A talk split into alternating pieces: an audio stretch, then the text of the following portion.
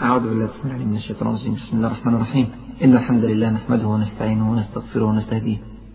ونعوذ بالله من شرور أنفسنا ومن سيئات أعمالنا. إنه من يهده الله فلا مضل له ومن يضلل فلا هادي له وأشهد أن لا إله إلا الله وحده لا شريك له وأشهد أن محمدا عبده ورسوله. أما بعد فمع الدرس الثامن من دروس السيرة النبوية العهد المدني.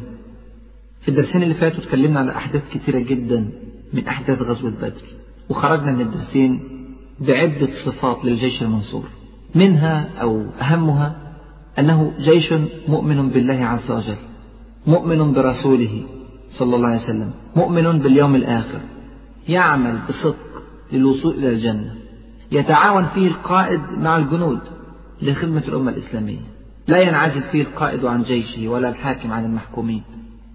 تترسخ فيه الشورى كمبدأ أصيل من مبادئ الحكم والوصول إلى قرار. يعد العدة المادية من سلاح وخطة وتدريب بقدر ما يستطيع. جيش حاسم غير متردد. نشيط لا فتور فيه متفائل لا إحباط فيه. جريء شجاع لا يهاب الموت بل يطلبه. دي بعض صفات الجيش المنصور. ولسه في صفات مهمة برضو كلها واضحة في أهل بدر. الوحدة والألفة والتماسك والترابط بين أفراد الجيش الواحد. وبين أفراد الأمة الواحدة. مفيش نصر يا إخواني وأخواتي من غير وحدة. دي قاعدة. بس الوحدة في الجيش المنصور لازم تكون وحدة عقائدية. بمعنى أن الرابط الرئيسي بين المسلمين يكون هو الإسلام. لا قبلية لا لون لا عنصر لا وضع اجتماعي لا أي شيء من متعلقات الدنيا. الوحدة في الله الحب في الله الأخوة في الله. هي دي اللي بتنفع فعلا. شوف أهل بدر. جيش قوي متماسك مع أن تركيبته عجيبة وبالذات في هذا التوقيت. قبل الإسلام يا إخواني كان الرابط الأساسي في الجزيرة ولعله الوحيد هو رباط القبلية. حتى قالوا كلمتهم الفاسدة انصر أخاك ظالما أو مظلوما. ليس من المهم في ذلك الوقت في أيام الجاهلية أين الحق أو العدل لكن المهم أن هذا من قبيلته ظالم أو مظلوم ما تفرقش. الإسلام جه علشان يغير المقاييس الباطلة اللي كانت الجاهلية بتحكم بيها. فالرسول صلى الله عليه وسلم قال الكلمة نفسها لكن بتعديل كبير جدا جدا في المفهوم والتصور. الرسول صلى الله عليه وسلم قال لأصحابه انصر أخاك ظالما أو مظلوما. كلام في البخاري ومسلم عن أنس رضي الله عنه. الصحابة استغربوا قالوا يا رسول الله ننصره مظلوما فكيف ننصره ظالما؟ قال صلى الله عليه وسلم تمنعه من الظلم. فإن ذلك نصره. أخوة إيجابية يا إخواني. أخويا هو اللي مشترك معايا في العقيدة. مش مهم إيه قبيلته أو بلده. وأخويا أنصره في العدل والحق بس. ولو ظلم أشترك مع غيري علشان أرد عن الظلم. وأكبر ظلم في الدنيا هو الإشراك بالله عز وجل. يا بني لا تشرك بالله. إن الشرك لظلم عظيم. علشان كده في أهل بدر المؤمنين شفنا التلاحم والتناصر والوحدة بين الطوائف المختلفة. الطوائف ديت ما كانش بيجمعها إلا حاجة واحدة بس الإسلام. بيحاولوا يردوا الظلم اللي عمله غيرهم. حتى لو كان غيرهم دولت هم الآباء والأبناء والأقارب والعشيرة. جيش المسلمين في بدر كان فيه المهاجر اللي من قريش وفيه الأنصاري اللي من الأوس والخزرج. قريش فرع من العرب بعيد جدا جدا عن فرع الأوس والخزرج. قريش من العدنانيين والأوس والخزرج من القحطانيين. فرعين مختلفين تماما ومع ذلك لأول مرة في تاريخ العرب بيكونوا جيش واحد. اللي جمعهم الإسلام. دي نقطة من أهم نقاط بناء الأمة الإسلامية. الجيش ده ما كانش فيه بس من كل قبيلة لا كان فيه العربي وغير العربي. بلال كان في الجيش ده مع أنه حبشي. ولم يشعر مطلقا بالغربة في هذا الجيش الذي يغلب عليه العرب. ولم يشعر العرب في داخل الجيش بأن هناك عنصر غريب في داخل الجيش من الحبشة. بالعكس التعاون والتلاحم بينهم كان على أكبر مستوى. وتعالوا نشوف قصة قتل أمية بن خلف. فاكرين أمية بن خلف طبعا؟ اللي قلنا من درسين أو ثلاثة أنه كان خايف يطلع بدر لأن الرسول صلى الله عليه وسلم أخبر أن المسلمين سيقتلونه. أمية بن خلف كان صديق لعبد الرحمن بن عوف رضي الله عنه في أيام الجاهلية. عبد الرحمن بن عوف كان ماشي في أرض بدر بعد اقتراب الموقع من الانتهاء. وقد وضح أن النصر حليف المسلمين. وهو ماشي شاف أمية بن خلف وابنه واقفين مرعوبين. عبد الرحمن بن عوف كان شايل في إيديه مجموعة أدراع استلبها من القتلى المشركين الذين قتلهم. استلبها يعني أخذها كسلب. السلب هو ما يكون على القتيل المشرك وهو من حق المسلم الذي قتله. عبد الرحمن بن عوف الشايب كان درع معاه في الطريق.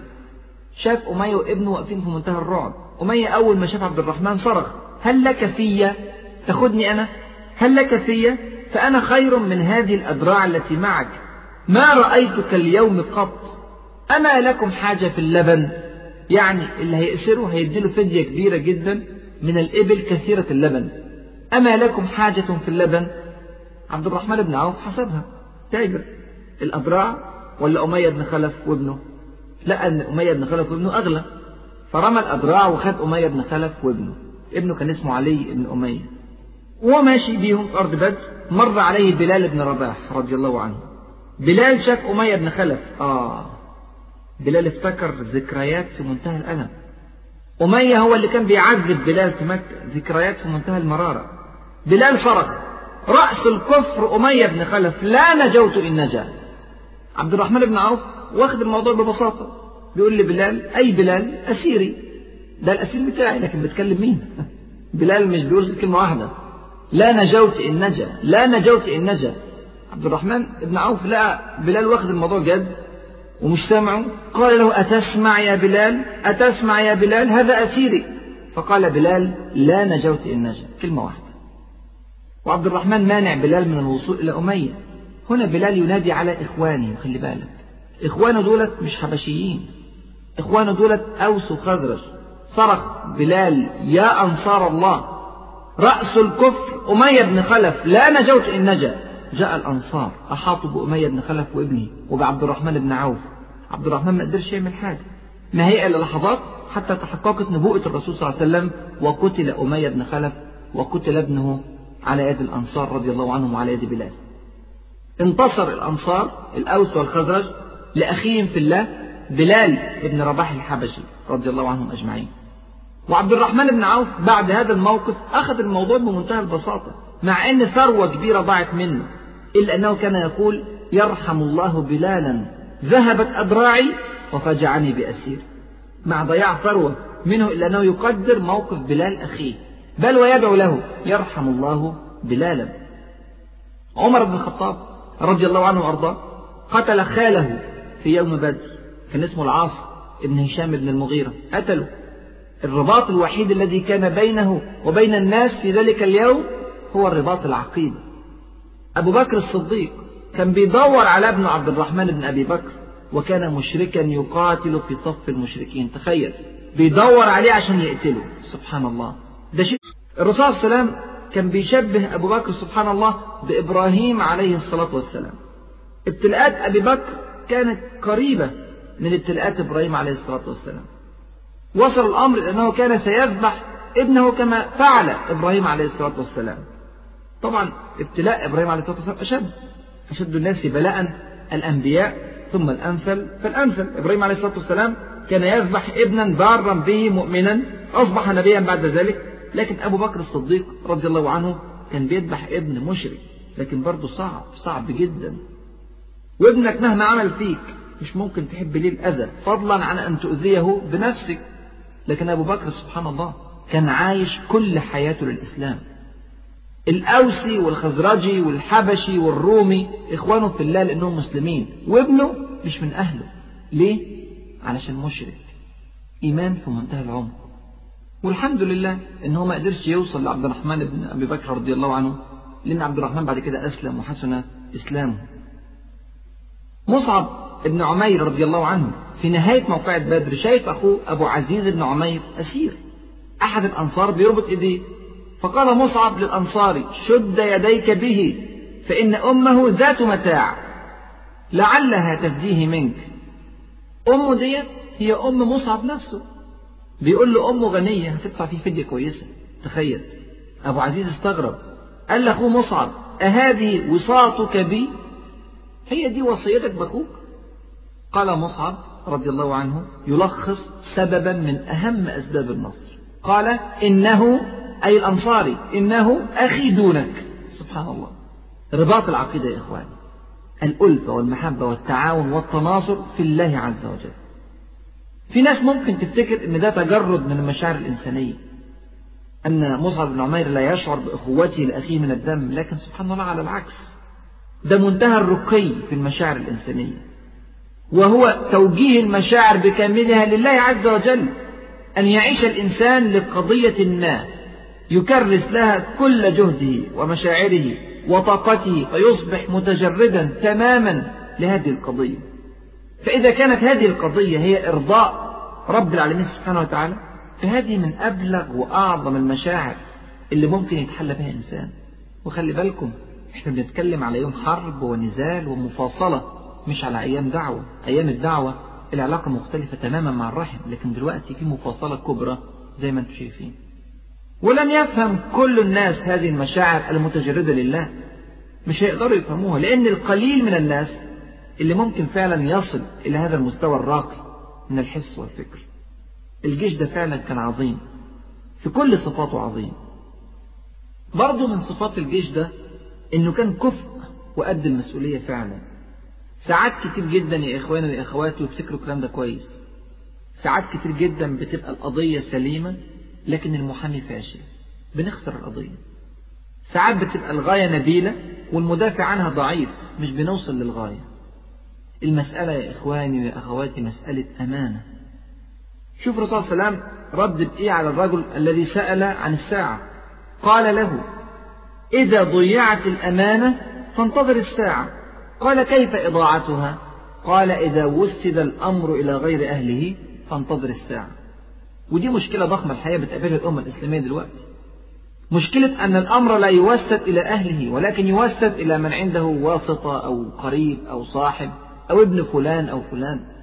الأمر يجب أن يوسد إلى من يستطيع فعلا أن يؤديه على أفضل وجه وهذا لابد أن يجمع بين الصفتين كما قال الله عز وجل إن خير من استأجرت القوي الأمين. القوي يعني الكفء في مجال العمل. لو في الجيش يبقى لازم يكون عسكري كويس. لو في الزراعة يبقى لازم يكون فاهم فيها كويس. لو في التجارة لو في الصناعة لو في التعليم لو في الإدارة في أي مجال يكون فعلا محترف في مجاله. ومش بس محترف لا يكون مبتكر ومخترع ومتحمس للإبداع. والأمين هو الذي يعلم أن الله عز وجل يراقبه فيرعى الأمانة. لا يغش لا يدلس لا يضيع وقتا لا يبخل برأي لا يدخر معونة أمين كما وصف الله عز وجل. في موقع بدر وسد الأمر إلى أهله. الكفاءة شفناها في كل المقاتلين. احترافية في الأداء. مهارة في المناورة قوة في النزال. دقة رأي بعد نظرة. عسكريين على أعلى مستوى. وفي نفس الوقت منتهى الأمانة عارفين إن ربنا شايفهم في كل لحظة. لأن إيمانهم عالي جدا وأخلاقهم ما تسمحش بأي تفريط. علشان كده الرسول صلى الله عليه وسلم رفض في بدر أن يستعين بمشرك. شوف القصة ديت في صحيح مسلم عن عائشة رضي الله عنها. تذكر أن رجلا جاء إلى النبي صلى الله عليه وسلم وهو خارج إلى بدر. الرجل ده كما جاء في أحد الروايات يذكر منه جرأة ونجدة يعني كفء عسكريا. ففرح أصحاب النبي صلى الله عليه وسلم. طبعا واحد ممكن يساعد كويس في القتال. فقال الرجل لرسول الله صلى الله عليه وسلم جئت لأتبعك وأصيب معك. قال صلى الله عليه وسلم تؤمن بالله ورسوله؟ قال لا. قال فارجع. فلن أستعين بمشرك. خلي بالك.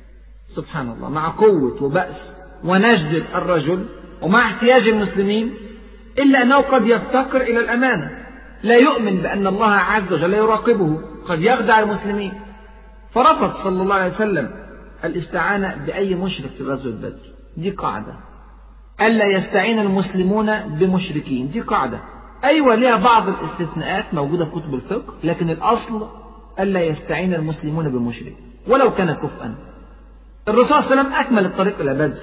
جاء إليه نفس الرجل بعد قليل. قال له كما قال أول مرة. فقال له صلى الله عليه وسلم كما قال أول مرة. تؤمن بالله ورسوله؟ قال لا. قال فارجع فلن أستعين بمشرك. جاله مرة ثالثة. قال له صلى الله عليه وسلم كما قال أول مرة فقال له الرجل نعم أؤمن بالله ورسوله. فقال صلى الله عليه وسلم فانطلق. معنى في غاية الأهمية توسيد الأمر إلى أهله وأهله هم الأكفاء الأمناء. وساعات سبحان الله بيبقى الرجل أمين وتقي وورع لكن ليس كفءا برضه ما ينفعش. في بدر الرسول صلى الله عليه وسلم رد بعض المسلمين. لأنه رأى صلى الله عليه وسلم أن قدرتهم القتالية ضعيفة. مع علمه التام بأمانتهم ورغبتهم الصادقة في القتال. رد مجموعة من صغار السن لضعف بنيتهم وضآلة أجسامهم. رد عبد الله بن عمر رضي الله عنه رد البراء بن عازب رضي الله عنه رد غيرهم من الصغار من الأطفال. وفي نفس الوقت قبل بعض صغار السن الآخرين لكفاءاتهم العسكرية والجسدية. يعني قبل عمير بن أبي وقاص قبل معاذ ابن عمرو بن الجموح قبل معوذ ابن عفراء هكذا. صغار في السن لكن عندهم قدرة قتالية فقبلهم صلى الله عليه وسلم. قوة وأمانة كفاءة وأمانة ومن غير الاثنين دولت مفيش نصر. من غير الكفاءة والأمانة مفيش نصر. وموضوع صغار السن ده هيجرنا لصفة تانية برضو من صفات الجيش المنصور وصفة مهمة جدا جدا وهي صفة الشباب. أكيد الصغير والكبير ممكن ينصر الإسلام لكن التاريخ بيقول إن معظم محطات التغيير الرئيسية كانت معتمدة اعتمادا شبه كلي على الشباب. من أول أيام الدعوة وهي معتمدة على الشباب وراجعوا محاضرات الفترة المكية. عملت بحث في أعمار المشاركين في غزوة بدر. طبعا في كتير ما نعرفش عمرهم قد إيه. لكن اللي أحصيته من هؤلاء يكفي أن يكون عينة صادقة تعبر عن حال الجيش. متوسط العمر في الجيش كان 32 سنة. طبعا في ناس أكبر وفي ناس أصغر لكن المتوسط 32 سنة. المواقع القيادية في بدر كلها كانت للشباب. حامل راية المهاجرين علي بن أبي طالب 25 سنة. حامل راية الأنصار سعد بن معاذ 32 سنة. حامل الراية العامة للجيش كله مصعب بن عمير 37 أو 38 سنة. شهداء بدر متوسط عمرهم تحت 30 سنة. الشباب يا إخواني طاقة هائلة. التركيز عليهم في موقعة بدر وفي غيرها من المواقع الفاصلة كان في منتهى الوضوح. والنصر جه على أيديهم في بدر وفي غيرها. ومش معنى كده إننا مش محتاجين لحكمة الشيوخ أبدا. أو إن الكبير خلاص راحت عليه. لا مش هو ده المقصود. إحنا محتاجين كل الطاقات الصغير والكبير الرجل والمرأة كل الناس. لكن حرام إن شباب الأمة اللي معظم النصر بيجي على أيديهم يكون مشغول ببعض الأمور التافهة التي لا تصلح لطفل فضلا عن شاب. وراجعوا محاضرة كلمة إلى شباب الأمة. يبقى إحنا في درس النهاردة وفي الدرسين اللي فاتوا ذكرنا عدة صفات للجيش المنصور. تعالوا نجمعها مع بعض وخليكم عارفين هذه الصفات لو تجمعت في أي جيش أي جيش في أي وقت أي زمن لازم الجيش ده ربنا ينصره لأن دي سنن وسنن ربنا سبحانه وتعالى لا خلف لها. الصفة الأولى الإيمان بالله عز وجل وبرسوله الكريم صلى الله عليه وسلم. لا إله إلا الله محمد رسول الله. دي أهم صفة. وأي منهج علماني لا يقوم على الكتاب والسنة لا يقوم على الإسلام مش هيبقى من وراه إلا كل خزي وذل وهزيمة. الصفة الثانية الإيمان باليوم الآخر وطلب الجنة وحب الموت في سبيل الله والزهد في الدنيا. الصفة الثالثة الوحدة بين المسلمين والصف المتآلف المتحاب ولا بد أن يكون هذا الحب في الله يا إخواني وأخواتي لا يقوم على روابط قبلية أو عرقية ولكن في الأساس يقوم على رباط العقيدة والدين. الصفة الرابعة إعداد الجيد من خطة ومال وسلاح وجهد وتخصص وعلم. كل الإعداد المادي الذي في الاستطاعة. الصفة الخامسة الشورى. والشورى كما ذكرنا قبل ذلك لا تكون إلا فيما لا نص فيه. ولا يجوز للمسلمين أن يجتمعوا على مخالفة الشر ولكن يتشاوروا فيما لا نص فيه. وبدون شورى فالنصر بعيد بل مستحيل. الصفة السادسة الحسم وعدم التردد وشاورهم في الأمر. فإذا عزمت فتوكل على الله. التسويف وتأجيل الأعمال علامة على التردد والضعف وطبعا ده بيأخر النصر. بل أحيانا يمنعه. الصفة السابعة الاعتماد على الشباب والاهتمام بهم والارتقاء بأفكارهم والثقة في قدرات الشباب وفي إمكانيات الشباب. الصفة الثامنة توسيد الأمر إلى أهله وأهله هم الأكفاء الأمناء. الصفة التاسعة مشاركة القائد لشعبه عدم الترفع عليهم الاختلاط بهم التضحية معهم. أما الصفة العاشرة والأخيرة فهي روح الأمل والتفاؤل واليقين في نصر الله عز وجل لهذه الأمة. دي كانت الصفة العاشرة من صفات الجيش المنصور فتلك عشر كاملة. الصفات العشرة دولت محتاجين دروس ومحاضرات ودورات ومناهج محتاجين وقت وجهد علشان يتزرعوا جوانا وعلشان يبقى منهج حياتنا. وخلي بالكم صفة واحدة بس من هذه الصفات تفقد قد يفقد معها النصر تماما. حتى لو عندك التسع صفات التانية. من غير إيمان مفيش نصر. من غير وحدة مفيش نصر. من غير أمانة مفيش نصر. وهكذا. وهنشوف الكلام ده بعد كده في أحد. طيب. إذا حقق المسلمون هذه الصفات العشر. أنعم الله عليهم بنعمة عظيمة جدا جدا. هي هبة من رب العالمين سبحانه وتعالى. وهي نعمة الثبات. مفيش حد يقدر يضمن أبدا إنه هيثبت.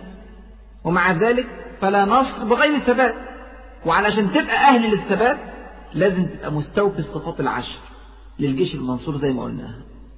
وزي ما قلنا مفيش نصر من غير ثبات. علشان كده هتلاقي في سورة الأنفال السورة اللي بتتكلم على غزوة بدر الكلام عن الثبات كتير جدا جدا. سواء بنفس اللفظ أو بمعناه. تعالوا نراجع سورة الأنفال.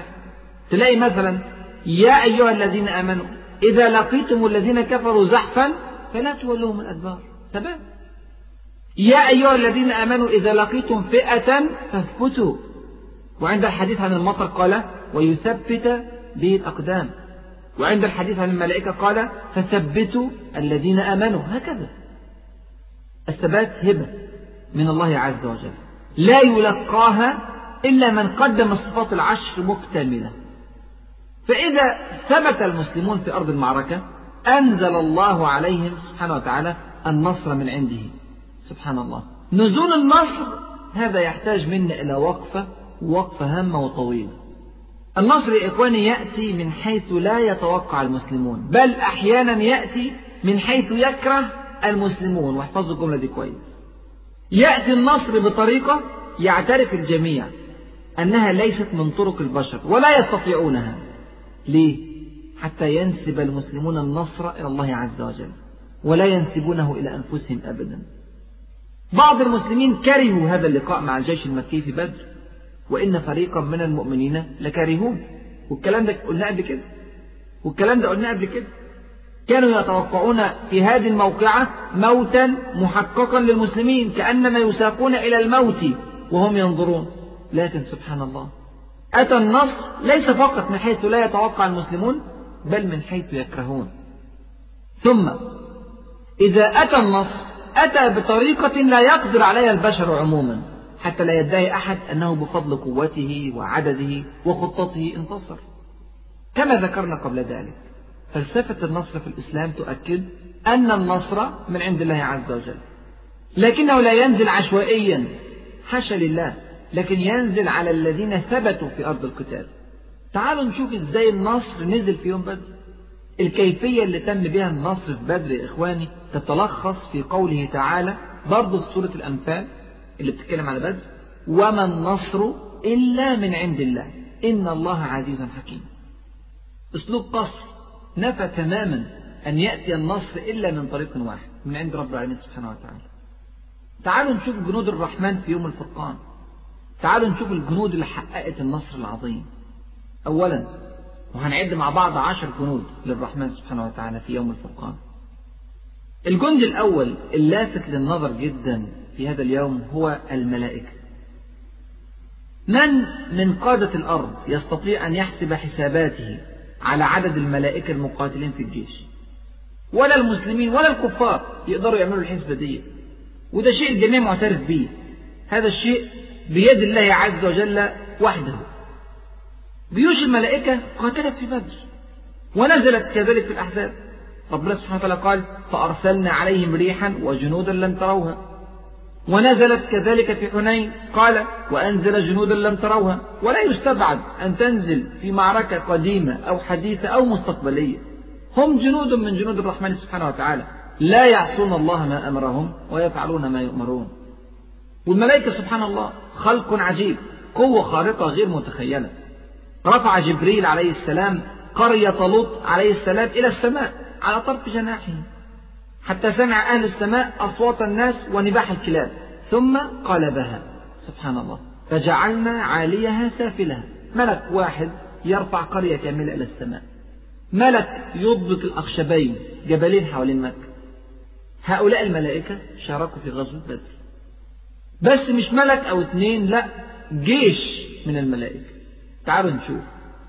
يقول الله تعالى إذ تستغيثون ربكم فاستجاب لكم أني ممدكم بألف من الملائكة مردفين. مردفين أي يتبع بعضهم بعضا. أو بمعنى ردفا لكم أي ردءا لكم معينا لكم.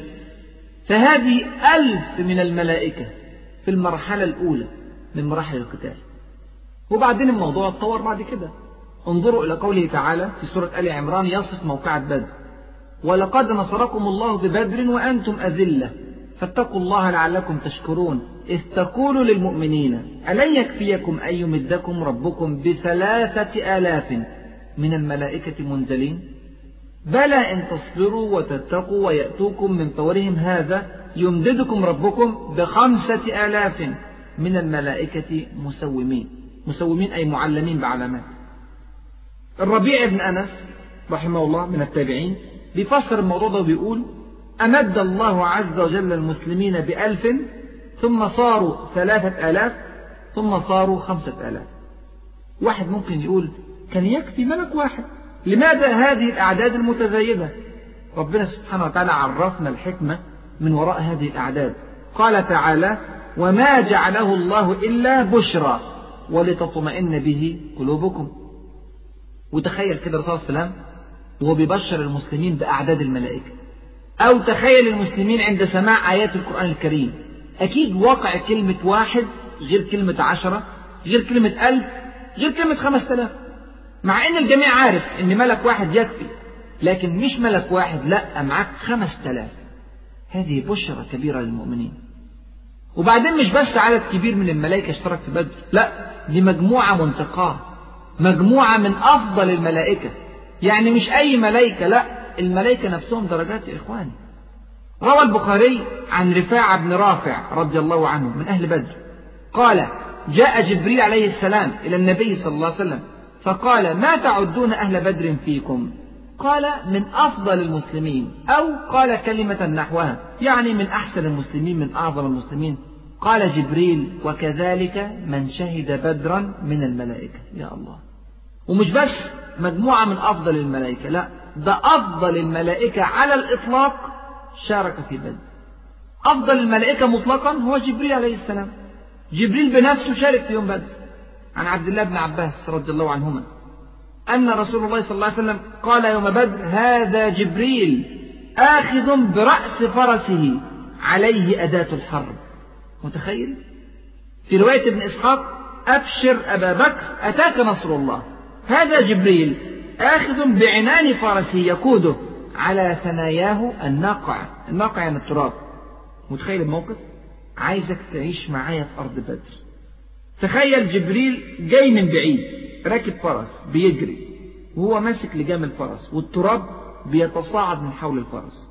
وراء ألف من الملائكة الفرسان ترفع سيوفها عليها أدوات الحرب.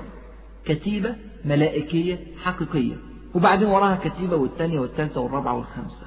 سبحان الله. يا ترى شعور المسلمين إيه؟ يا ترى شعورهم إيه؟ والرسول صلى الله عليه وسلم بيحكي لهم الموقف بيشرح لهم إن الملائكة دخلت أرض الموقعة وبتقاتل معاكم. يا ترى المسلمين ممكن يخافوا في موقف زي ده؟ ممكن يتهزوا؟ ممكن يشبنوا؟ وانت عارف إن في جيش ملائكي كامل بيحارب معاك؟ مستحيل يا إخواني. هو ده اللي ربنا قاله في الكتاب. وما جعله الله إلا بشرى ولتطمئن به قلوبكم. وبعدين المؤمنين في بدر مش بس عرفوا أمر الملائكة عن طريق الرسول صلى الله عليه وسلم لا. دول شافوا بنفسهم آثار الملائكة في أرض بدر. بل إن منهم من رأى الصورة التي تمثل بها الملائكة في أرض بدر. بل إن من المشركين من رأى الملائكة في الصورة التي تمثلوا بها. تمثلوا في صورة بشر. بعض المشركين شاهد الملائكة في هذه الصورة. تعال اسمع الروايات دي. روى مسلم عن عبد الله بن عباس رضي الله عنهما قال بينما رجل من المسلمين يومئذ يعني يوم بدر يشتد في أثر رجل من المشركين أمامه إذ سمع ضربة بالصوت فوقه. الصوت يعني قرباك يعني. وصوت الفارس يقول أقدم حيزوم. سبحان الله. الفارس هو الملك وحيزوم اسم فرس الملك. فنظر إلى المشرك أمامه فخر مستلقيا. المشرك وقع على الأرض. فنظر إليه فإذا هو قد خطم أنفه وشق وجهه كضربة الصوت. فاخضر ذلك أجمع. يعني إيه؟ يعني صار مكان الضربة لونه أخضر. كانوا بيعلموا ضربات الملائكة في يوم بدر بأن لونها لونه أخضر. ضربة بتسيب أثر أخضر على أجساد المشركين. فجاء الأنصاري وحدث بذلك رسول الله صلى الله عليه وسلم. فقال له صدقت. ذلك وخلي بالك مدد من السماء الثالثة. يا الله. يعني في ملائكة من السماء الثالثة وملائكة من سماء غيرها وغيرها وغيرها. يعني مجموعة فعلا منتقاة من الملائكة من مختلف السماوات. أفضل جيش ملائكي والحديث زي ما قلت في صحيح مسلم. وروى الإمام أحمد عن أبي داود المازني رضي الله عنه برضه ممن شهد بدرا. قال إني لأتبع رجلا من المشركين لأضربه. إذ وقع رأسه قبل أن يصل إليه سيفي. سبحان الله. فعرفت أنه قد قتله غيري. رأس المشرك طارت قبل ما سيف المسلم يوصل ليها ويروي الإمام أحمد أيضا عن علي بن أبي طالب رضي الله عنه قال جاء رجل من الأنصار قصير بالعباس بن عبد المطلب أسيرا وخلي بالك. العباس في ذلك الوقت كان مشركا وخرج مستكرها للقتال مع أهل مكة. لم يكن يريد القتال لكنه كان لا يزال على دين الكفار. والعباس رضي الله عنه وارضاه فارس وفارس شديد والذي أسره أنصاري قصير كما يقول سيدنا علي بن أبي طالب. سيدنا علي بن أبي طالب بيصف الأنصاري بالقصر تعبيرا عن استغرابه من أن هذا القصير أسر العباس ابن عبد المطلب الفارس العظيم. فلما جاء العباس مع الأنصاري قال العباس لرسول الله صلى الله عليه وسلم إن هذا والله ما أسرني مش هو جايبني معاه؟ مش هو اللي أسرني لقد أسرني رجل أجلح. من أحسن الناس وجها. أجلح يعني شعره منحسر من على جانبي الرأس. على فرس أبلق. الأبلق اللي هو لونه بين السواد والبياض. ما أراه في القوم. مش فيكم يا مسلمين. فقال الأنصاري أنا أسرته يا رسول الله. فقال رسول الله صلى الله عليه وسلم اسكت فقد أيدك الله تعالى بملك كريم. يعني كلام العباس صح مش أنت اللي أسرته. الملك الكريم هو الذي أسره. يبقى المؤمنين والمشركين عرفوا أن الملائكة تقاتل في بدر والملائكة جنود من جنود الرحمن سبحانه وتعالى. ده كان الجند الأول. الجند الثاني من جنود الرحمن في بدر جند عجيب الرعب. الرعب يلقيه الله عز وجل في قلوب الكافرين. والرعب يا إخواني وأخواتي جند عظيم جدا من جنود الرحمن سبحانه وتعالى. البخاري ومسلم يرويان رحمهم الله عن جابر بن عبد الله رضي الله عنهما. أن النبي صلى الله عليه وسلم قال نصرت بالرعب مسيرة شهر. في رواية أحمد يقول ولو كان بيني وبينهم مسيرة شهر. يعني قبل ما الرسول صلى الله عليه وسلم يوصل للعدو بمسيرة شهر العدو بيكون اترعب. الرعب يا إخواني وأخواتي يدخل في قلوب كل الناس. ده شيء معروف. لكن العجيب أن يدخل الرعب في قلب القوي من الضعيف. وأن يدخل الرعب في قلب الكثير من القليل. وأن يدخل الرعب في قلب من هو مدجج بالسلاح من الأعزل الذي لا يملك سلاحا. هو ده العجيب. وهو ده اللي دايما بنشوفه مع جيوش المؤمنين. ربنا سبحانه وتعالى قال في غزوة بدر سألقي في قلوب الذين كفروا الرعب. تخيل. سيلقي الله عز وجل بنفسه الرعب في قلوب الذين كفروا. تخيل مدى الرعب. وشفنا جيش مكة إزاي كان مرعوب من أوله لآخره مع أنه ألف بعدة المحارب والمسلمين 300 بعدة المسافر. لكن ماذا تفعل لمن ألقى الله عز وجل الرعب في قلبه؟ والكلام ده بنشوفه لحد دلوقتي. ياما شفنا طفل صغير ماسك حجر وواقف قدام دبابة والطفل مش خايف والجندي داخل الدبابة مش قادر يخرج. ياما شفنا طيارات وصواريخ بتقصف علشان تضرب رجل أعزل ولعله قاعد على كرسي. ياما شفنا فرقة مسلحة بأقوى الأسلحة والأقنعة والأعداد والسيارات بتروح علشان تقبض على واحد لا يملك مسدسا أو خنجرا أو أي سلاح. ياما شفنا الكلام ده. وأحيانا بنستغرب أو كتير بنستغرب ليه الكلام ده بيحصل. لكن اوعى تستغرب وافتكر الرعب جندي من جنود الرحمن سبحانه وتعالى. الجندي الثالث عكس الرعب الطمأنينة والسكينة والأمان الذي يصل إلى حد النعاس يلقيه الله عز وجل في قلوب الذين آمنوا. والقلوب سبحان الله بين أصابع الرحمن. فكما ألقى الله عز وجل الرعب في قلوب الكافرين ألقى السكينة في قلوب المؤمنين. اطمأنوا وثبتوا وهتلاقي الحديث عن السكينة سبحان الله في كل المواقع الإسلامية اللي حصل فيها نصر في بدر في الأحزاب في صلح حديبية في حنين وهكذا. شوف ربنا بيقول لي في غزوة بدر. إذ يغشيكم النعاس أمنة منه. أمنة. واتكلمنا على موضوع النعاس قبل كده في درس من الدروس اللي فاتت. الجند الرابع من جنود الرحمن برضه اتكلمنا عليه قبل كده المطر. ومين يقدر ينزل المطر هنا أو هناك؟ وهو الذي ينزل الغيث سبحانه وتعالى. وهو الذي ينزل الغيث من بعد ما قنطوا وينشر رحمته. ومين غير ربنا يقدر ينزل المطر هينا لطيفا على منطقة؟ وينزله وابلا شديدا على منطقة مجاورة تماما. واتكلمنا قبل كده برضه على موضوع المطر ده ويكفينا أن نتذكر قول الله عز وجل وينزل عليكم من السماء ماء ليطهركم به ويذهب عنكم رجز الشيطان وليربط على قلوبكم ويثبت به الأقدام. ده كان الجند الرابع. الجند الخامس من جنود الرحمن جندي عجيب جدا جدا وهو التقليل والتكثير في الأعداد. يعني إيه الكلام ده؟ يعني ربنا سبحانه وتعالى قادر على أنه يخلي الواحد يشوف أعداد اللي قدامه مختلفة عن الواقع. يشوفها أكثر أو يشوفها أقل بحسب ما يريد رب العالمين سبحانه وتعالى. والكلام ده بيكون له أثر عجيب جدا في القتال وتعالوا نشوف قصة الأرقام في بدر. جيش المسلمين في الموقعة ديت 314 تقريبا وجيش الكفار 1000 وربنا سبحانه وتعالى يريد للموقعة أن تتم. لا يريد لأي فريق أن يقرر الهروب أو عدم الدخول في الصدام لأن ربنا سبحانه وتعالى يدبر مكيدة للكافرين. ويمكرون ويمكر الله. والله خير الماكرين. علشان كل فريق يصمم على القتال لازم يشعر إن الفريق الثاني ضعيف وقليل. ومن ثم يتجرأ عليه ويقرر القتال. الكلام ده كله قبل القتال. نشوف إيه اللي حصل. مع أن المخابرات المكية حصرت الجيش المسلم وعرفت إن عدد الواقعي هو 300 تقريبا كما قال عمير بن وهب. وقلنا الكلام ده قبل كده.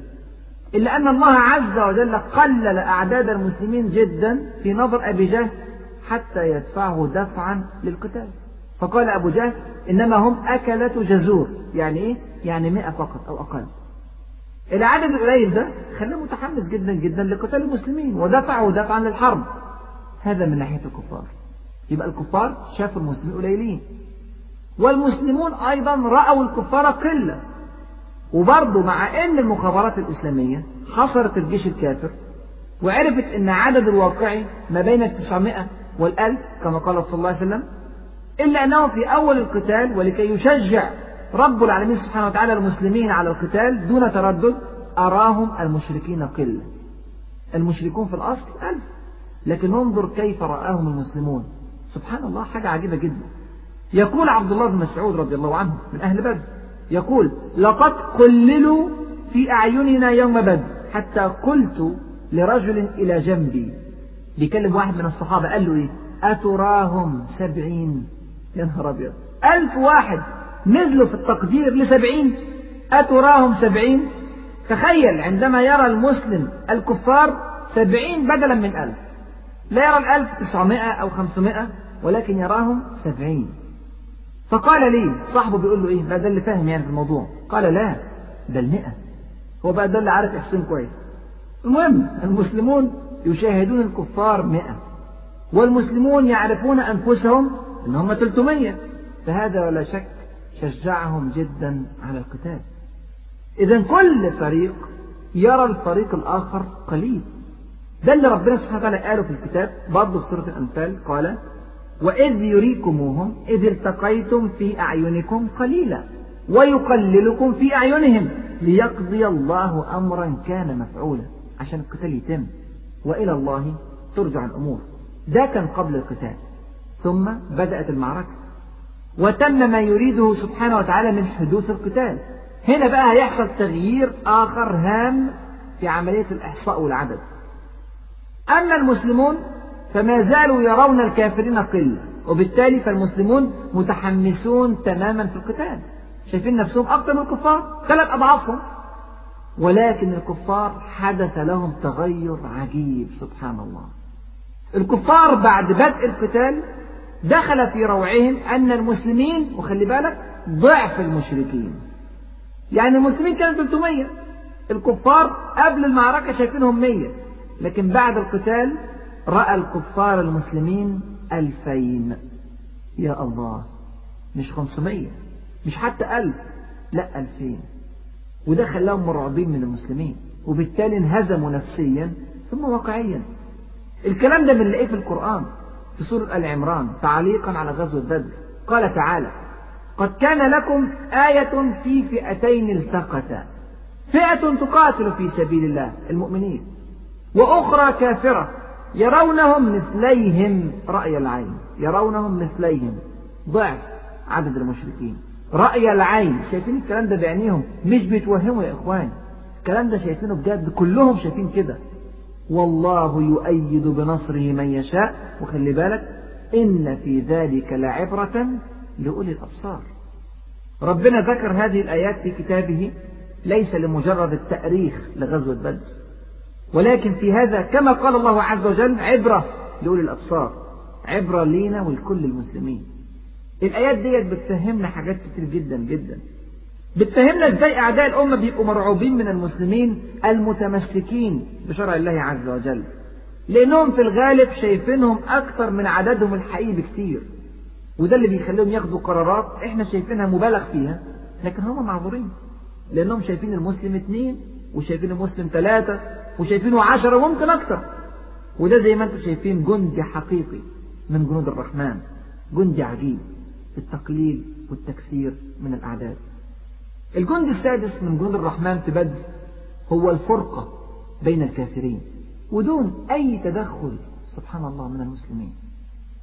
لا شك إخواني أن فرقة الكافرين تضعف صفهم وأحيانا يسعى المسلمون إلى إحداث هذه الفرقة بين الكافرين عشان يوهنوا القوة بتاعتهم.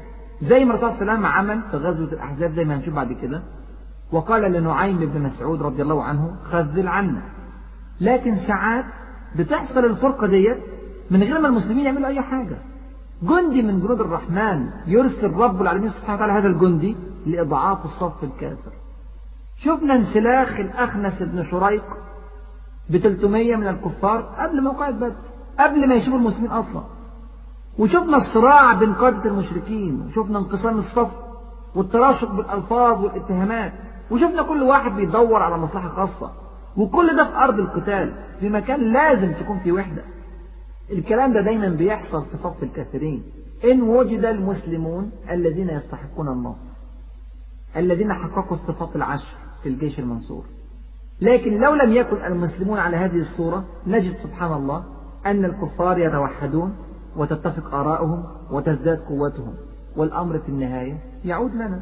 إن كنا على خير فرق الله عز وجل بين عدونا. وإن كنا على غير ذلك جمع الله عز وجل لنا عدونا فتكون لهم الغلبة علينا حتى نعود إلى ديننا وإلى ربنا سبحانه وتعالى. يبقى ده كان الجند السادس من جنود الرحمن سبحانه وتعالى الفرقة بين الكافرين. الجند السابع من جنود الرحمن سبحانه وتعالى هو جندي غريب جدا برضه اسمه جند البركة. هو تضخيم النتيجة للفعل البسيط. يعني إيه الكلام ده؟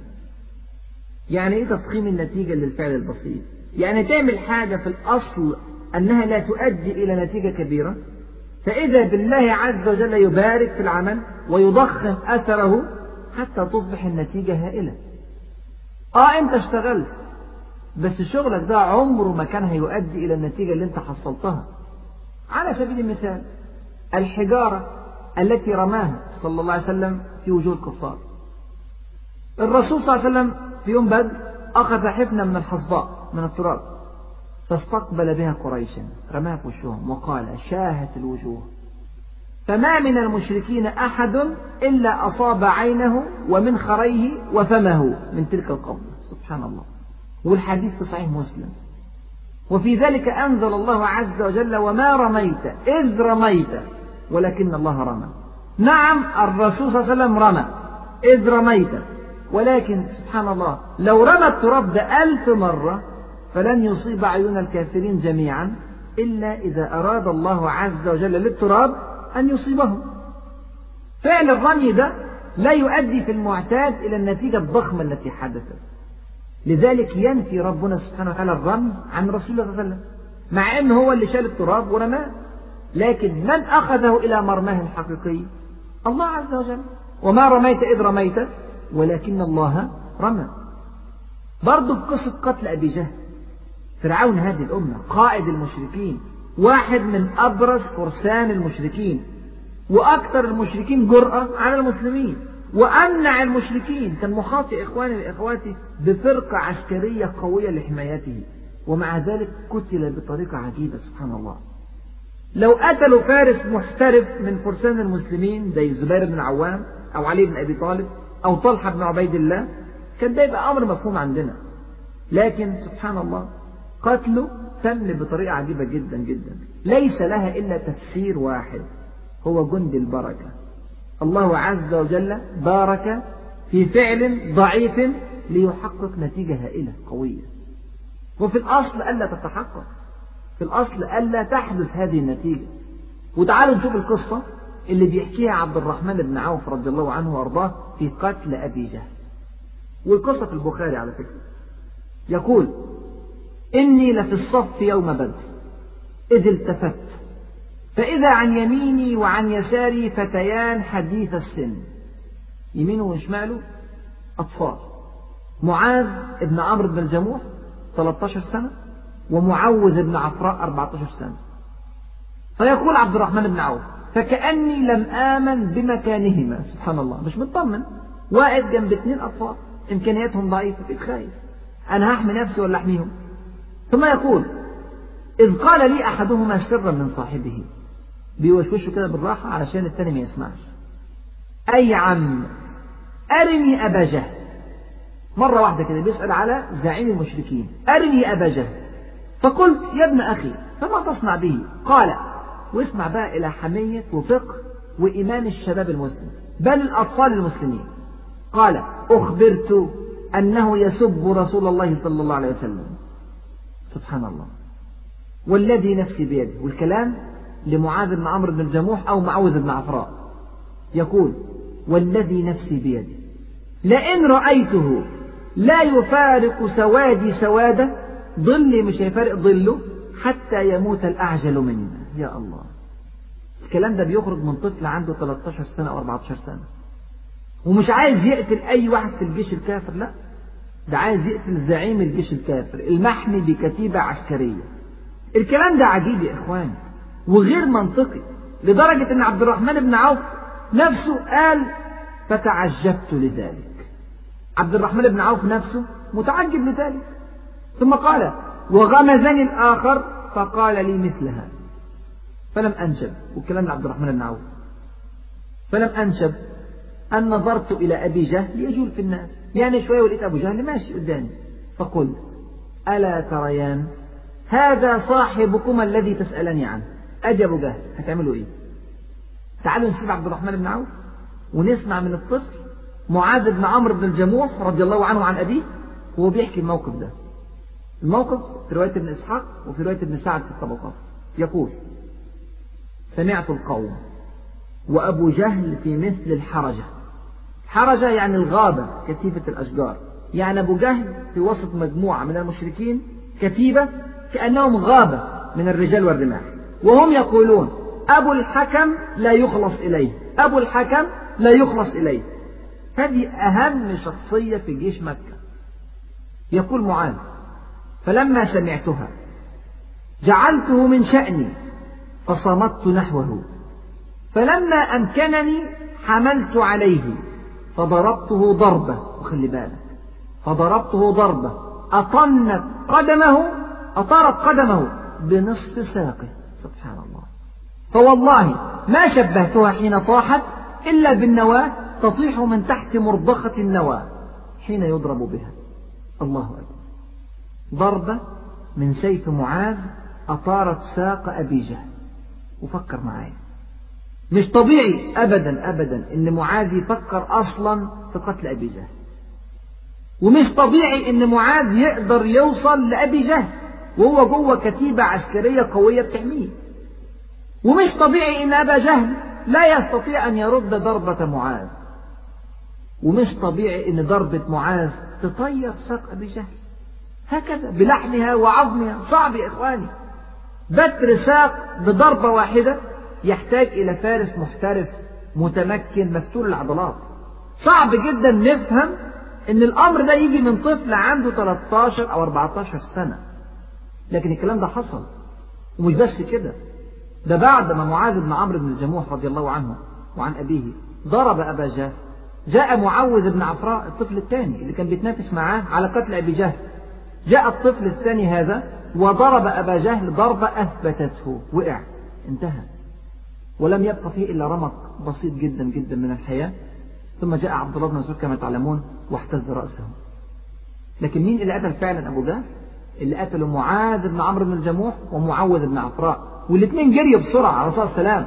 وقالوا له أنا قتلت أنا قتلت. كل واحد بيتنافس مع الثاني فقال صلى الله عليه وسلم أرياني سيفيكما.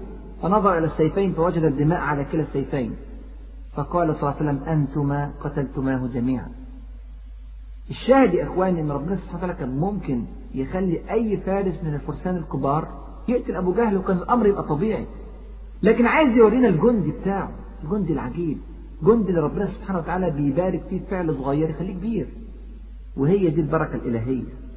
فعل صغير تبقى ليه نتائج كبيرة جدا. مش مجرد توفيق لا. أعلى من التوفيق. التوفيق بيبقى في حاجة ممكن تحصل في العادي. فربنا سبحانه وتعالى يوفق البعض ولا يوفق الآخرين. لكن إحنا بنتكلم في النقطة ديت على موضوع البركة الإلهية إن الشيء ده أصلا في العادي مش ممكن يحصل. لكن ربنا سبحانه وتعالى بقدرته يكتب له الحدوث. نعم الذي حمل السيف وضرب هو معاذ لكن الذي سبب لهذا السيف أن يقوم بهذه المهمة المستحيلة؟ هو رب العالمين سبحانه وتعالى. ولا يكون ذلك إلا لمن استوفى الصفات العشر للجيش المنصور. يبقى ده الجند السابع. الجند الثامن حاجة غريبة جدا برضه وهو الرؤى والأحلام. يراها أهل الحق فتبشرهم ويراها أهل الباطل فتحبطهم وتفشلهم. والكلام ده مش دجل ولا شعوذة. الكلام ده ليه شواهد كتيرة جدا جدا في التاريخ سواء في السيرة أو في الفتوح الإسلامية أو في كل المعارك اللي مرت بأمتنا. وتعالوا نتكلم في غزوة بدر في البداية عن رؤية لبعض الكافرين. والرؤية سبحان الله التي تصيب الإنسان بالكآبة والحزن وإحساس الفشل وتوقع الهزيمة بيكون لها رد فعل سيء جدا جدا على نفسية المحارب. تعالوا نتكلم على رؤية واحد اسمه جهيم ابن الصلت ابن المطلب من عيلة الرسول الله عليه بس كان مشرك. رأى أن رجلا أقبل على فرس حتى وقف ومعه بعير له. ثم قال قتل عتبة بن ربيعة وشيبة بن ربيعة وأبو الحكم بن هشام وأمية بن خلف وفلان وفلان وفلان. فعد رجالا ممن قتل يوم بدر من أشراف قريش. الرؤيا سبحان الله انتشرت في مكة. الكلام ده طبعا قبل الخروج إلى بدر. أبو جهل لما سمع الرؤيا دي اتجنن.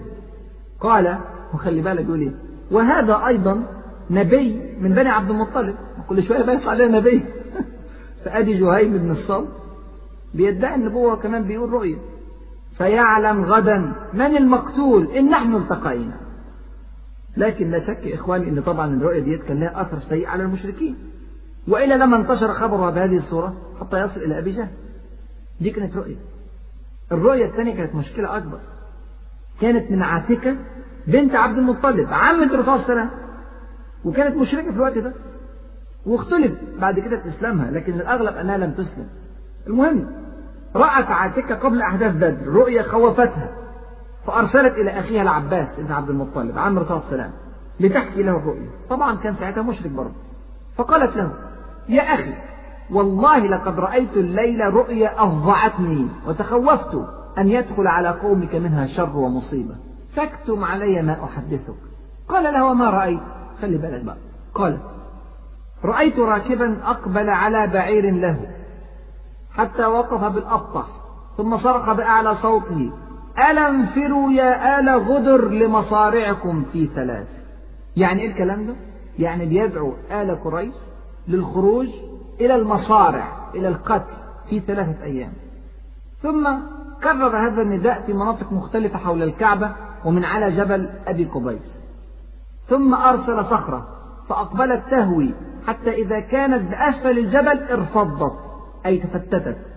فما بقي بيت من بيوت مكة إلا دخلته منها فلقة. قطعة حجر دخلت في كل بيت. قال العباس والله إن هذه لرؤيا. دي حاجة خطيرة جدا. وأنت تكتميها لا تذكريها لأحد. موضوع خطير. ثم خرج العباس فلقي الوليد بن عتبة. وكان صاحبه كان الاثنين اصحابه خلي بالك الوليد بن عتبة اللي اتقتل في أول مبارزة في بدر. الوليد بن عتبة بن ربيعة. فذكر العباس له الرؤيا وقال له بس اوعى تقول لحد. فخد الوليد بن عتبة الحكاية وراح لأبوه عتبة بن ربيعة وقال له الحكاية بس اوعى تقول لحد وهكذا سبحان الله. الموضوع انتشر في كل قريش. لحد ما وصل لمين؟ برضه لأبو جهل. العباس في اليوم ده هو رايح يطوف بالبيت الحرام. لقيه أبو جهل مع المشركين. فقال له أبو جهل إيه الحكاية يا عم؟ يا بني عبد المطلب متى حدثت فيكم هذه النبية؟ شغلانة بقى كل يوم نبي ونبية. العباس حب ينكر. فقال وما ذاك؟ قال أبو جهل تلك الرؤيا التي رأت عاتكة. قال العباس وما رأت؟ قال أبو جهل يا بني عبد المطلب أما رضيتم أن يتنبأ رجالكم حتى تتنبأ نساؤكم؟ قد زعمت عاتكة في رؤياها أنه قال انفروا إلى مصارعكم في ثلاث في ثلاث أيام فسنتربص بكم يا بني عبد المطلب هذه الثلاث. فإن يكن حقا ما تقول فسيكون. هيجي واحد يقول لنا وإن تمضي الثلاث ولم يكن من ذلك شيء نكتب عليكم كتابا أنكم أكذب أهل بيت في العرب. طبعا فرصة لأبي جهل يشمت بني عبد المطلب. صراع طويل جدا بين بني مخزوم قبيلة أبي جهل وبين بني هاشم قبيلة الرسول صلى الله عليه وسلم. وسبحان الله يا إخواني وأخواتي مر يومين وفي اليوم الثالث وأبو جهل يستعد للشماتة في بني عبد المطلب جاء ضمضم ابن عمرو الغفاري اللي بعته أبو سفيان وهو يصرخ يا معشر قريش اللطيمة اللطيمة أموالكم قد عرض لها محمد في أصحابه لا أرى أن تدركوها الغوث الغوث. فنفر كل أهل قريش وتحققت رؤيا عاتكة سبحان الله. وأنا عايزكم تتخيلوا نفسية الجيش وهو خارج للقتال وهو على الأقل يشك إن لم يكن متيقنا تماما أنه يخرج إلى مصارعه. وراجعوا التاريخ يا إخواني. سبحان الله والله. هتلاقوا كسرى. شاف رؤية قبل القادسية. كذلك رستم قائد الفرس كان ليها أكبر الأثر على نفسيتهم. كذلك رأى هرقل ورأى قائد الجيش الروماني في اليرموك. والكلام كتير جدا جدا في هذا الموضوع ومتكرر. وعلى الجانب الآخر بقى. تعالى الجيش المؤمنين. في ليلة بدر رأى الرسول صلى الله عليه وسلم رؤيا في منامه أن الكفار أقل من العدد الذي أحصاه قبل ذلك. وذكر ذلك للصحابة فاستبشروا كثيرا وثبتتهم هذه الرؤيا. وربنا سبحانه وتعالى قال الكلام ده في الكتاب. قال سبحانه وتعالى إذ يريكهم الله في منامك قليلا. أدي رؤيا إيه؟ إذ يريكهم الله في منامك قليلا. ولو أراكهم كثيرا لفشلتم ولتنازعتم في الأمر ولكن الله سلم إنه عليم بذات الصدور. يعني شفنا أثر إيجابي حقيقي نتيجة الرؤية. والأثر ده كان هيبقى عكس كده لو كانت الرؤية مختلفة. ولو أراكهم كثيرا لفشلتم. وطبعا رؤيا الأنبياء غير رؤيا عامة البشر.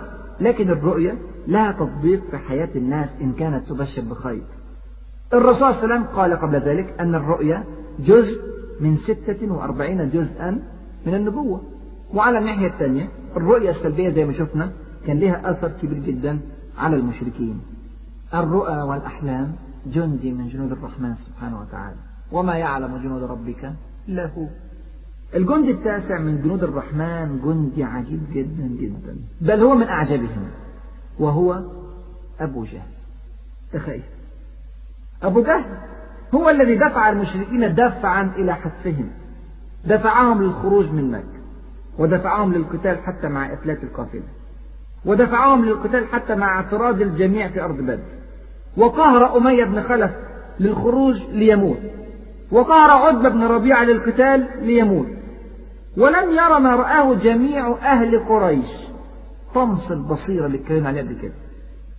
وكما دفع فرعون جنده للدخول في البحر ليهلكوا فعل ذلك أبو جهل. ولو تعقل لما قتل هذا العدد الهائل من قادة الكفر وأئمة الضلال. ولو تعقل لما كان يوم الفرقان. ولو تعقل لما حدثت الآثار المجيدة. اللي هنتكلم عليها إن شاء الله في الدرس اللي جاي لغزوة بدر لكن سبحان الله عمرك ما تقول الكلام ده. إنه ما كان له أن يتعقل. ده هو ما هو إلا جندي يا إخواني من جنود الرحمن سبحانه وتعالى. شاء أن أبى. فالله عز وجل لا يعجزه شيء في الأرض ولا في السماء. حتى لو كان أبو جهل برضه هيساعد المسلمين على تحقيق مراد رب العالمين سبحانه وتعالى. الجند العاشر بقى والأخير في هذه المحاضرة أغرب من أبي جهل وأعجب وهو إبليس الشيطان نفسه سبحان الله. الشيطان اجتهد كل الاجتهاد ليدفع المشركين دفعا إلى القتال. لم يكتفي بالوسوسة. بل تمثل لهم في صورة سراقة بن مالك زي ما قلنا قبل كده سيد بني كنانة ليجيرهم من بني بكر. وخرج معهم بهذه الصورة صورة سراقة بن مالك ودخل معهم أرض بدر وثبت للقتال معهم حتى رأى الملائكة. سبحان الله عرفهم كان أصحابه قبل ما يكفر. عرف إن الموضوع خرج من إيديه قرر الهروب. رأى أحد المشركين وهو يهرب الحارث بن هشام. طبعا فاكره سراقة بن مالك فمسكه قال له رايح فين؟ قال له إلى أين يا سراقة ألم تكن قلت إنك جار لنا لا تفارقنا؟ فقال له إبليس إني أرى ما لا ترون. إني أخاف الله والله شديد العقاب وفر بنفسه حتى ألقى نفسه في البحر. وربنا سبحانه وتعالى قال لنا بعد كده قصة إبليس سورة الأنفال. قال تعالى وإذ زين لهم الشيطان أعمالهم وقال لا غالب لكم اليوم من الناس وإني جار لكم. سورة سراقة بن مالك. فلما تراءت الفئتان نكص على عقبيه وقال إني بريء منكم إني أرى ما لا ترون إني أخاف الله والله شديد العقاب. وطبعا ده شيء متوقع. الشيطان يعد الناس ويمنيهم ثم يتركهم عند الأزمات واللوم يا إخواني ويا أخواتي لا يقع فقط على الشيطان بل يقع أيضا وبصورة أكبر على من اتبعوه وده كلام الشيطان نفسه. اسمع كده لكلام ربنا سبحانه وتعالى في سورة إبراهيم. قال وقال الشيطان لما قضي الأمر إن الله وعدكم وعد الحق ووعدتكم فأخلفتكم. وما كان لي عليكم من سلطان إلا أن دعوتكم فاستجبتم لي. فلا تلومون ولوموا أنفسكم. ما أنا بمصرخكم وما أنتم بمصرخي. لا أنا أنفعكم ولا أنتم تنفعون ما أنا بمصرخكم وما أنتم بمصرخي. إني كفرت بما أشركتموني من قبل. إن الظالمين لهم عذاب أليم. آه الكلام ده والحوار ده هيحصل يوم القيامة لكن أكيد بيحصل كتير قوي في الدنيا. وياما الشيطان دفع ناس لنهايتها وبعدين اتبرأ منهم وسابهم. حتى الشيطان يا إخوان ممكن يكون سبب من أسباب نصر المسلمين. وأكيد أكيد الشيطان لو عارف إن النصر هيكون حليف المسلمين في بدر ما كانش دفع قريش للحرب. لكن لا يعلم الغيب إلا الله سبحانه وتعالى. ده كان الجند العاشر من جنود الرحمن سبحانه وتعالى. فتلك عشرة كاملة. وأكيد الجنود أكثر من كده بكتير. ولله جنود السماوات والأرض. وكان الله عزيزا حكيما. وأكيد في الغزوات اللي جاية هنتعرف على جنود أكثر وأكثر وأكثر. يبقى كل كلامنا اللي فات ده هو بيصب في معنى مهم جدا جدا. وهو المعنى الذي ظهر لنا في كل كلمة من كلمات درس النهاردة. وهو وما النصر إلا من عند الله. إن الله عزيز حكيم. وبكده نقدر نفهم الآية اللي جت في سورة الأنفال. فلم تقتلوهم ولكن الله قتلهم. نعم المسلمون يحملون السيوف ويقاتلون لكن جنود الرحمن العجيبة هي اللي حققت النصر. والجميع يا إخواني الجميع كان معترفا بذلك. اعتراف المسلمين بأن الناصر هو الله عز وجل هو الذي أكمل لهم هذا النصر العظيم. أنا هختم كلامي النهاردة بفهم الصحابة عن نصر بدر. هختار كلمتين لاثنين من الصحابة الكرام.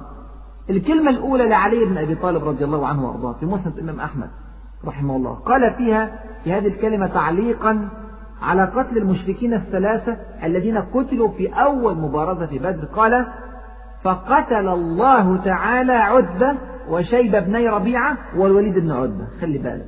مع أن علي بن أبي طالب رضي الله عنه من الذين اشتركوا في قتل هؤلاء الثلاثة إلا أنه لا ينسب ذلك لنفسه أبدا بل ينسبه لله تعالى. فقتل الله تعالى عتبة وشيبة بني ربيعة والوليد بن عتبة. الكلمة الثانية لعبادة بن الصامت رضي الله عنه وأرضاه. وهي أيضا في مسند الإمام أحمد بن حنبل وفي صحيح الحاكم قال خرجنا مع النبي صلى الله عليه وسلم فشهدت معه بدرا فالتقى الناس فهزم الله العدو فهزم الله العدو. الفهم ده هو اللي حقق لهم النصر. ويوم ما نعرف إن النصر فعلا لا يكون إلا من عند الله هتلاقي النصر قريب إن شاء الله. ونسأل الله عز وجل أن يفقهنا في سننه وأن يعلمنا ما ينفعنا. وأن ينفعنا بما علمنا إنه ولي ذلك والقادر عليه. السلام عليكم ورحمة الله وبركاته. مع تحيات النور للإنتاج الإعلامي والتوزيع.